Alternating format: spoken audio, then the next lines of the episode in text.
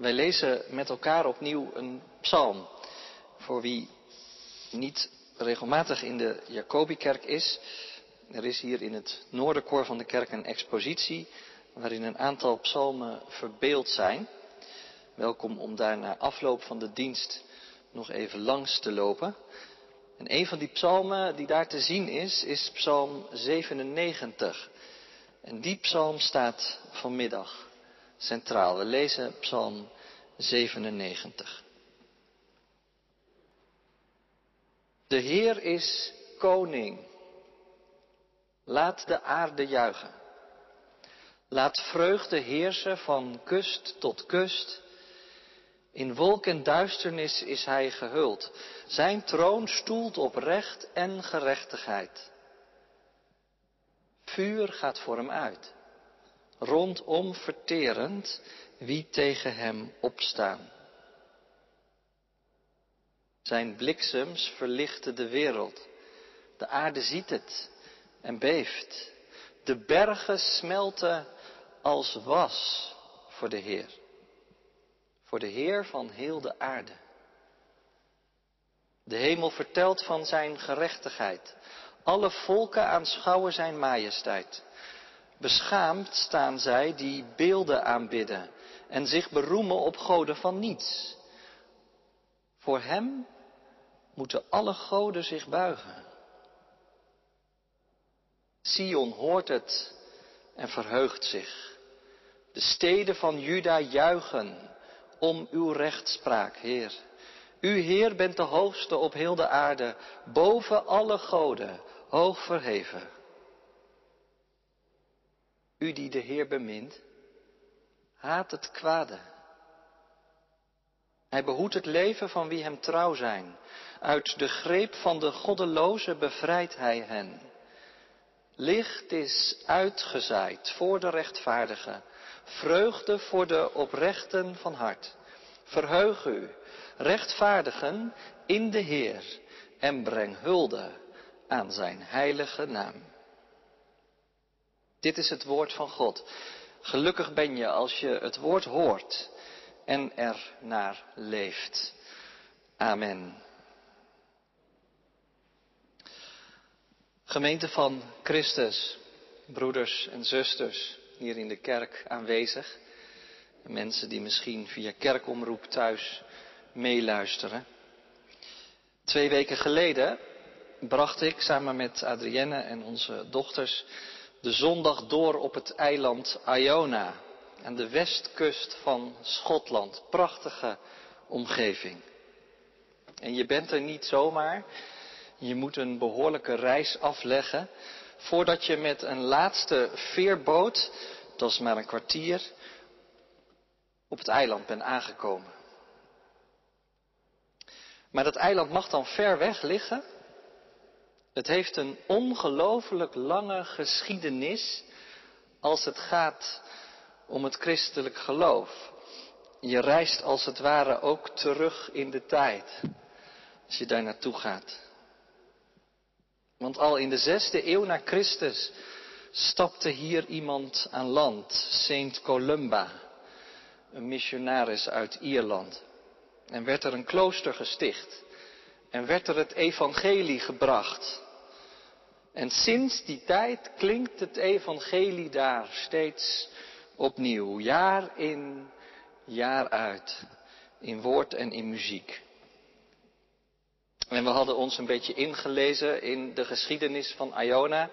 En vol verwachting begonnen we die ochtend aan een kerkdienst. Het was een prachtige liturgie met oude en nieuwe muziek. Er waren lezingen uit de Bijbel, er was een overdenking. Maar er gebeurde ook nog iets wat we niet hadden verwacht. En dat was dit, dat het tijdens die kerkdienst ineens begon te regenen. Het getik kon je horen en het werd donker in de kerk. En er was niet alleen regen, maar op een gegeven moment begon het ook te lichten en te donderen. Onweer. Het had die hele week in Schotland nog niet geregend. En nu ineens, terwijl wij in de kerk de dienst beleefden, sprak de natuur buiten een woord mee. Ik vond het een bijzondere ervaring. En ik bedacht me maar weer dat het best wel bijzonder is dat de natuur in onze manier van geloven hier gewoon in de stad vaak een kleine rol speelt. Kan me nog herinneren dat mijn ouders ons, toen ik heel klein was, wel eens als het begon te onweren naar beneden haalden. En dan zaten we met het hele gezin in de woonkamer, gewoon soms midden in de nacht. Dan zat je te luisteren. En dan was er altijd dat gevoel dat God sprak. Maar vandaag de dag in de stad en met alle kennis van de natuur die we hebben, we kunnen het natuurlijk allemaal verklaren, doe je dat niet zo snel meer. Best jammer eigenlijk. Want als we zeggen dat onze God de Heer is over hemel en aarde, ja, dan doet natuurlijk ook de hele hemel mee. Dan kan ook blijkbaar God spreken door zoiets als een onweer. En dan zijn we dicht bij de tekst van Psalm 97 gekomen. Die is geschreven in een heel andere tijd, dat weet ik ook wel. Maar moet je kijken hoe die psalm allerlei natuurfenomenen gebruikt om te laten zien hoe groot God is. Het zijn misschien overweldigende woorden en misschien ook wel wat vervreemdend van die lyrische teksten, waarin alles wordt uitvergroot. Met grote theatrale beelden. De Heere is koning en hij is in een wolk en in duisternis gehuld. Vuur gaat voor hem uit. Rondom verterend wie tegen hem opstaan. Zijn bliksems verlichten de wereld. De aarde ziet het en beeft. De bergen smelten als was. Alle volken zien zijn majesteit. Zoals ik zei, we lezen deze zomermaanden een heel aantal psalmen in de Jacobikerk. En die tentoonstelling die daar hangt, die heet Troosten en Verstoren. Nou, ik had een beetje het gevoel dat deze psalm vooral verstoort in eerste instantie. Ik weet niet of jij je kunt vinden in dat soort beelden om God te beschrijven. Of jij je kunt vinden in die apocalyptische taal die gebruikt wordt om te laten zien wie God is en wat Hij doet. We hebben vanmiddag ons geloof beleden met een lied. En we beleiden veel vaker ons geloof in deze kerk. Ik geloof in God de Vader, de Schepper van de hemel en de aarde. Maar deze psalm herinnert ons eraan wat dat betekent. Dat betekent dat we geloven in die God die zich in de Bijbel op deze manier openbaart. Dat lees je in Psalm 97, maar ook op andere plekken. Lees Psalm 18 eens een keer door. Je leest het bij profeten als Joël, Sefania en Ezekiel. Steeds weer lees je dat God, de God die wij beleiden, een Heer is die werkelijk boven alles staat. Zelfs boven natuurfenomenen als de donder en de bliksem.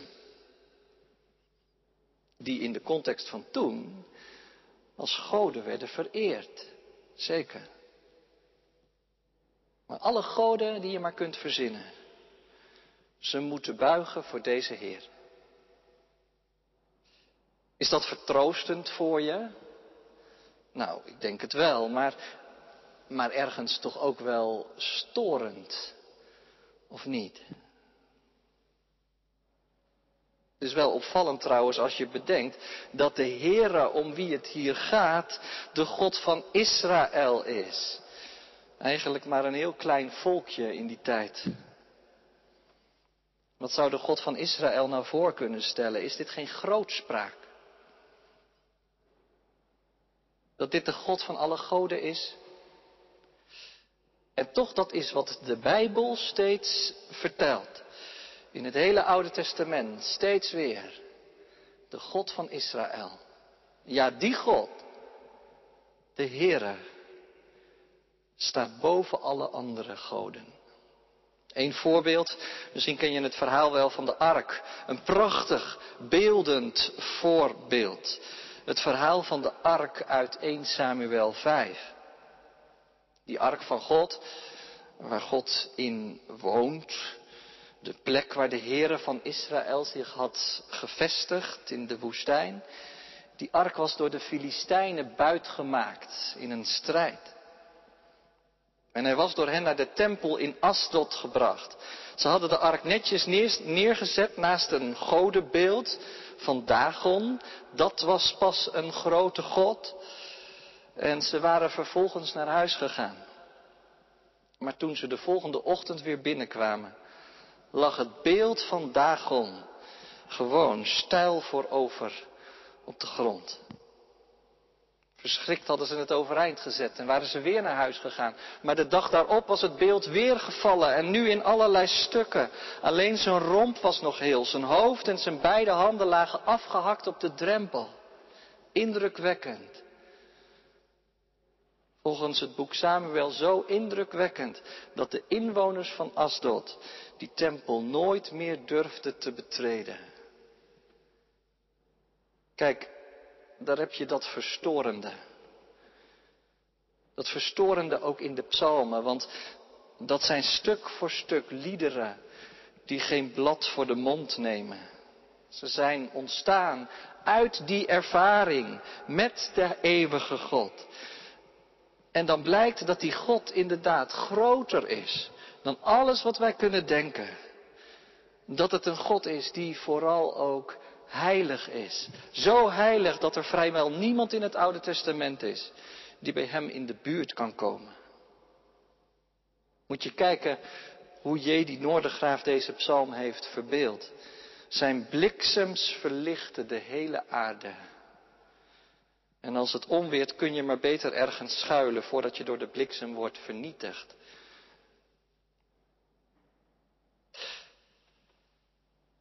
Toen ik deze week met deze psalm bezig was, ben ik eens op zoek gegaan op YouTube en op Spotify naar allerlei verschillende berijmingen van die psalm. Het mooie van de psalmen is natuurlijk dat ze zich voortdurend opnieuw laten verbeelden en vertolken. En toen kwam ik ook een versie tegen die ik zeker al twintig jaar niet meer gezongen had. Maar ik herinnerde me wel dat ik hem in mijn tienertijd heel vaak had gezongen. Op de jeugdvereniging van de kerk. Op zondagavond. Het is een berijming uit de bundel Opwekking. En hij klinkt als volgt. De Heer regeert, de Heer regeert dat de aarde juicht, dat het volk zich verheugt, want hij regeert. Het vuur dat voor hem uitgaat verteert zijn sterkste vijanden. De bergen zijn als was bij het verschijnen van de Heer. Ja, dat staat er. En dat zongen we. En tussen die regels door klapten we in onze handen. Maar ik moet zeggen, toen ik het weer eens zong, toen kwamen die woorden ook wel wat binnen. Ze klonken me ook wel wat vervreemdend in de oren. En misschien herken je dat wel, dat, dat triomfantelijke, dat, die uitroepteken aan het einde van elke zin. En we zongen het vol overgave en vol overtuiging. Best mooi, maar ik dacht ook, op de een of andere manier vind ik het ook wel lastig geworden. Om dat zomaar zo te zingen en te zeggen. Komen dan ook wel wat vragen bij me naar boven. Misschien bij jou ook wel, als je meer en meer van de wereld gaat zien. Als je de verhalen hoort van mensenlevens waar God soms zo ver weg lijkt. Of als je zelf die ervaring hebt van een God die toch ook verborgen is. Want inderdaad, zo staat het er ook in deze psalm. In vers 2, hij is in duisternis en in een wolk gehuld. De Heere regeert, ja zeker. Maar we begrijpen hem ook zo vaak niet. De Heere regeert. Op mijn beste momenten hoop ik erop. En verlang ik ernaar. Maar laat ik maar heel eerlijk zijn, het komt ook wel voor dat ik er gewoonweg niet bij kan. En dan zijn we denk ik aangekomen bij een gedachte die je misschien ook wel breder herkent als het aankomt op het geloofsleven. Een gedachte waar Psalm 97 ons, als we hem lezen en zingen, gewoon brengt. En dat is deze gedachte dat er soms zo'n afstand kan zijn tussen datgene wat we met elkaar beleiden in de kerk en datgene wat je in je persoonlijke leven ervaart. Misschien moet je daar eens met elkaar over doorpraten als je thuis bent. Of je dat herkent. God regeert. Ja, maar wat zie ik daar dan van? Daar kan ik toch niet bij als ik de beelden zie die dagelijks op me afkomen over een aarde die opwarmt, over een vluchtelingenstroom die maar niet ophoudt, over een geopolitieke situatie die steeds ingewikkelder wordt. Wat zie ik ervan dat God regeert als ik gewoon nuchter om me heen kijk? En trouwens, misschien leeft die vraag ook wel op andere vlakken in je hart. Nu heb ik vandaag het heilig avondmaal gevierd. Waarin dat andere ongelofelijke wonder wordt gevierd. Dat ik me helemaal verzoend mag weten. Met die God, ja met die God. Waar het net over ging. Dat het brood en wijn, de elementen die ik zojuist ontving, niet zomaar brood en wijn zijn, maar dat ze me wijzen op Christus, Gods Zoon, die zich helemaal gaf voor mij. Zodat ik werkelijk mag gaan leven. Kun je erbij? Opstaan in een nieuw leven en op weg gaan. Een adembenemende werkelijkheid. Bijna te mooi om waar te zijn. En ik verlang ernaar. Maar wat zie ik ervan?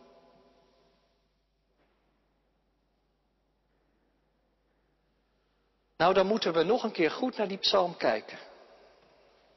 En weet je wat dan ineens opvalt? In Psalm 97 gaat het ten diepste helemaal niet over zien. Maar het gaat wel over horen en over juichen. Lees maar mee in vers 8. Sion hoort het en verheugt zich. Met andere woorden, deze psalm doet geen enkele moeite om de godsregering te bewijzen. Er staat niet hoe Gods koninkrijk te bewijzen valt. Nee, het wordt eenvoudigweg beleden dat de Heere koning is. En inderdaad, dat blijkt dan een koning te zijn die zich hult in het duister en in een wolk. Gods koningschap zal altijd iets verborgens hebben. Je kunt het niet zomaar aanwijzen. Daarvoor is het ook veel te groot. Je kunt het ook nooit begrijpen. Want het gaat ons voorstellingsvermogen op een bepaalde manier ook volstrekt te boven. En toch beleiden we het. En toch wordt het ons steeds weer verteld.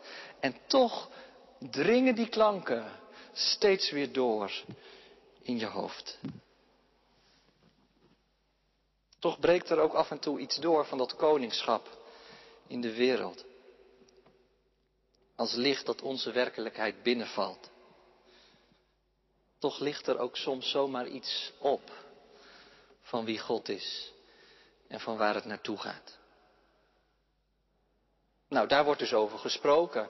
En dat is wat je horen mag. Om een paar voorbeelden te geven. Israël, het volk waar de psalmen werden geschreven, kon er als geen ander over meepraten. Dat God wel degelijk ingrijpt in de geschiedenis. Als dat volk terugkijkt, dan zien ze van alles oplichten over hoe God gewerkt heeft in hun midden. En zagen ze hoe de Heer altijd trouw was geweest. Hij had Abraham geroepen en naar het beloofde land gebracht. Maar hij had het slavenvolk later uit Egypte bevrijd. En volgens sommige uitleggers is deze psalm 97 geschreven nadat het volk opnieuw is bevrijd vanuit Babel. En zo zou je voorbeelden kunnen geven nog veel meer van hoe deze God is doorgegaan. Met dat bevrijdende handelen voortdurend. Met als absolute zwaartepunt natuurlijk de komst van Jezus Christus, Gods Zoon naar deze aarde. God die afdaalt om mensen te roepen en mensen te redden. En steeds weer hebben mensen daar Gods reddende handelen in gezien. En hebben gezegd, ja zeker, zo is God aan het werk. En steeds opnieuw zijn er sinds dat grote gebeuren in de geschiedenis van de kerk weer momenten geweest dat je Gods geest aan het werk zag in Jeruzalem op het Pinksterfeest en steeds verder de hele wereld over. Gods geest aan het werk om te bekeren en te vernieuwen, om bij te sturen en aan te wakkeren tot op de dag van vandaag. Ver weg, dichtbij. En al die getuigenissen samen, die vormen nu precies de basis waar het hier over gaat. Paulus zou het ooit zo verwoorden. Het geloof is uit het gehoor. Het moet je steeds weer verteld worden. Het moet je steeds weer ter oren komen. Misschien hoor je het wel een keer in een regel, in een lied of in een psalm. Want zo is het wel. Juist liederen kunnen daarin een heel belangrijke rol spelen. Tijdens onze vakantie in Schotland luisterden we ook naar een podcast. Een interview met de Schotse muzikus en predikant John Bell. Die ook heel lang op dat eiland Iona woont en werkt al. En hij vertelt dat juist liederen uit de traditie van de kerk een heel belangrijke rol spelen volgens hem bij het geloven. Ook daar, in die kloosterkerk waar wordt gezongen, veel gezongen. Liederen van eeuwen oud, maar er komen ook liederen bij. Wat je zingt, zegt hij, dat vormt je. Kijk daarom uit voor een soort eenzijdigheid als het gaat ook over het lied van het geloof. Liederen kunnen soms ook verstoren. En dat is goed. Maar ze vormen ons. Liederen zing je steeds weer. En door die herhaling eigen je jezelf de woorden toe. Gaan die teksten leven en landen in je hart. En dat is ook precies de reden natuurlijk waarom we die psalmen zo graag blijven zingen. In allerlei vormen en in allerlei maten. Ook al zijn ze soms niet alleen vertroostend, maar inderdaad ook verstorend. Ze vormen ons geloof. Als we ze steeds opnieuw te binnenbrengen. God regeert. En hij regeert nog steeds. En zo slaat vanmiddag dus deze psalm 97 hoge tonen aan. En Misschien zeg je, het zijn tonen waar ik ook eigenlijk helemaal niet zo goed bij kan komen. Als ik zelf nu een lied zou moeten schrijven, dan zou het een heel donker lied worden. Nou, dat is nou precies het mooie van wonen in Gods huis. Van hier zijn. Van Sion, zoals het wordt genoemd in de psalm. Sion hoort het. En juicht. Dat ook. In Sion hoor je het vreugdevolle nieuws van het evangelie. Leer je dat je niet alleen moet letten op wat voor ogen is. Je gaat steeds beter luisteren. Moet je horen wat God allemaal heeft gedaan. Hij is aan het werk geweest in de geschiedenis. Tot op de dag van vandaag. Moet je horen hoe hij regeert. En zing maar gewoon mee. Of je nu zuiver zingen kunt of niet. En dan inderdaad nog even dat laatste. Simon hoort het, Sion hoort het en juicht. Want dat juichen en dat verheugen, dat is er blijkbaar onlosmakelijk mee verbonden. Blijkbaar kan dat gebeuren dat het uitzingen van dat geloof je gewoonweg blij maakt. Waarom? Nou, ik denk in elk geval hierdoor. Omdat dat grote verhaal van God met de wereld, van dat bevrijdende handelen door de eeuwen heen, nog steeds niet af is. Er komt ons nog een ontknoping tegemoet. Die apocalyptische beelden uit Psalm 97, die grijpen ook vooruit. Als God inderdaad regeert, dan loopt het hem niet uit de hand. En dan mogen we goede hoop hebben dat het recht zal zegevieren. Daar is deze psalm zeker van. Weet je waarom? Omdat de troon van deze Heere gestoeld is op recht en op gerechtigheid. Vers 2. Het gaat hier niet om een of andere grillige God. Nee, het gaat om de God die recht doet en recht maakt. En heel opvallend, in dat plan schakelt hij mensen in. Jou en mij, zoals we vandaag aan de tafel van de Heer het leven van elke dag weer in mogen gaan. Kijk maar naar het einde van die psalm. Daar staat dit. Licht. Licht. Licht van de bliksem misschien. Licht is uitgezaaid voor de rechtvaardige. Vreugde voor de oprechte van hart. Ik las ergens ook een berijming van deze psalm. Dat is nieuw licht. God is Hij alleen. Vuur gaat voor Hem uit. Nieuw licht over de aarde. Al wie onrecht haat is door Hem gekend. Als jij recht betracht, wordt de aarde nieuw. Als jij liefde doet, wordt het licht gezaaid. Ik vind dat een spannende gedachte. En een hele spannende opdracht. Dat je mee gaat zingen met die kerk van alle tijden. Maar dat je ook mee gaat bewegen in die beweging achter Christus aan. Die zegt, ik ben het licht van de wereld. En die tegen ons zegt, wees een stad op een berg.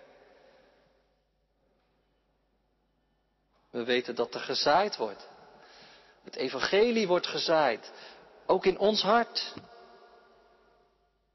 Dat er gezaaid wordt en dat het opkomt. En dat je het kwade gaat haten. Dat je je over allerlei afgoden gaat verbazen en je schouders erover gaat ophalen. Zou dat kunnen gebeuren als je dat lied zingt? Psalm 97. Dat je zegt, als dit waar is, deze God, als Hij koning is, dan wil ik Hem ook gaan dienen. Nog even terug naar die zondag op Iona. Toen de kerkdienst daar afgelopen was, waren we nog even welkom in de kloostertuin voor een kopje koffie. En het was inmiddels alweer droog aan het worden. Sterker nog, de eerste zonnestralen braken alweer door het wolkendek heen. Nieuw licht. Zonnestralen door een wolkendek. Licht dat doet groeien. Het licht van de zon dat warm maakt. Teken van Gods genade op een plek waar al zoveel eeuwen steeds weer dat evangelie heeft geklonken. En laten we maar heel nuchter zijn, in die eeuwen zijn er al heel wat crises geweest. En toch zijn er steeds weer gelovigen die het hebben ontdekt. Als de Heere regeert, dan hoef ik niet bang te zijn. Zijn troon is immers gestoeld op recht en gerechtigheid. En het licht dat van hem uitgaat, wordt gezaaid in afwachting van de oogst die komen zal. Als hij komt op de wolken en elk oog hem zal zien. Amen.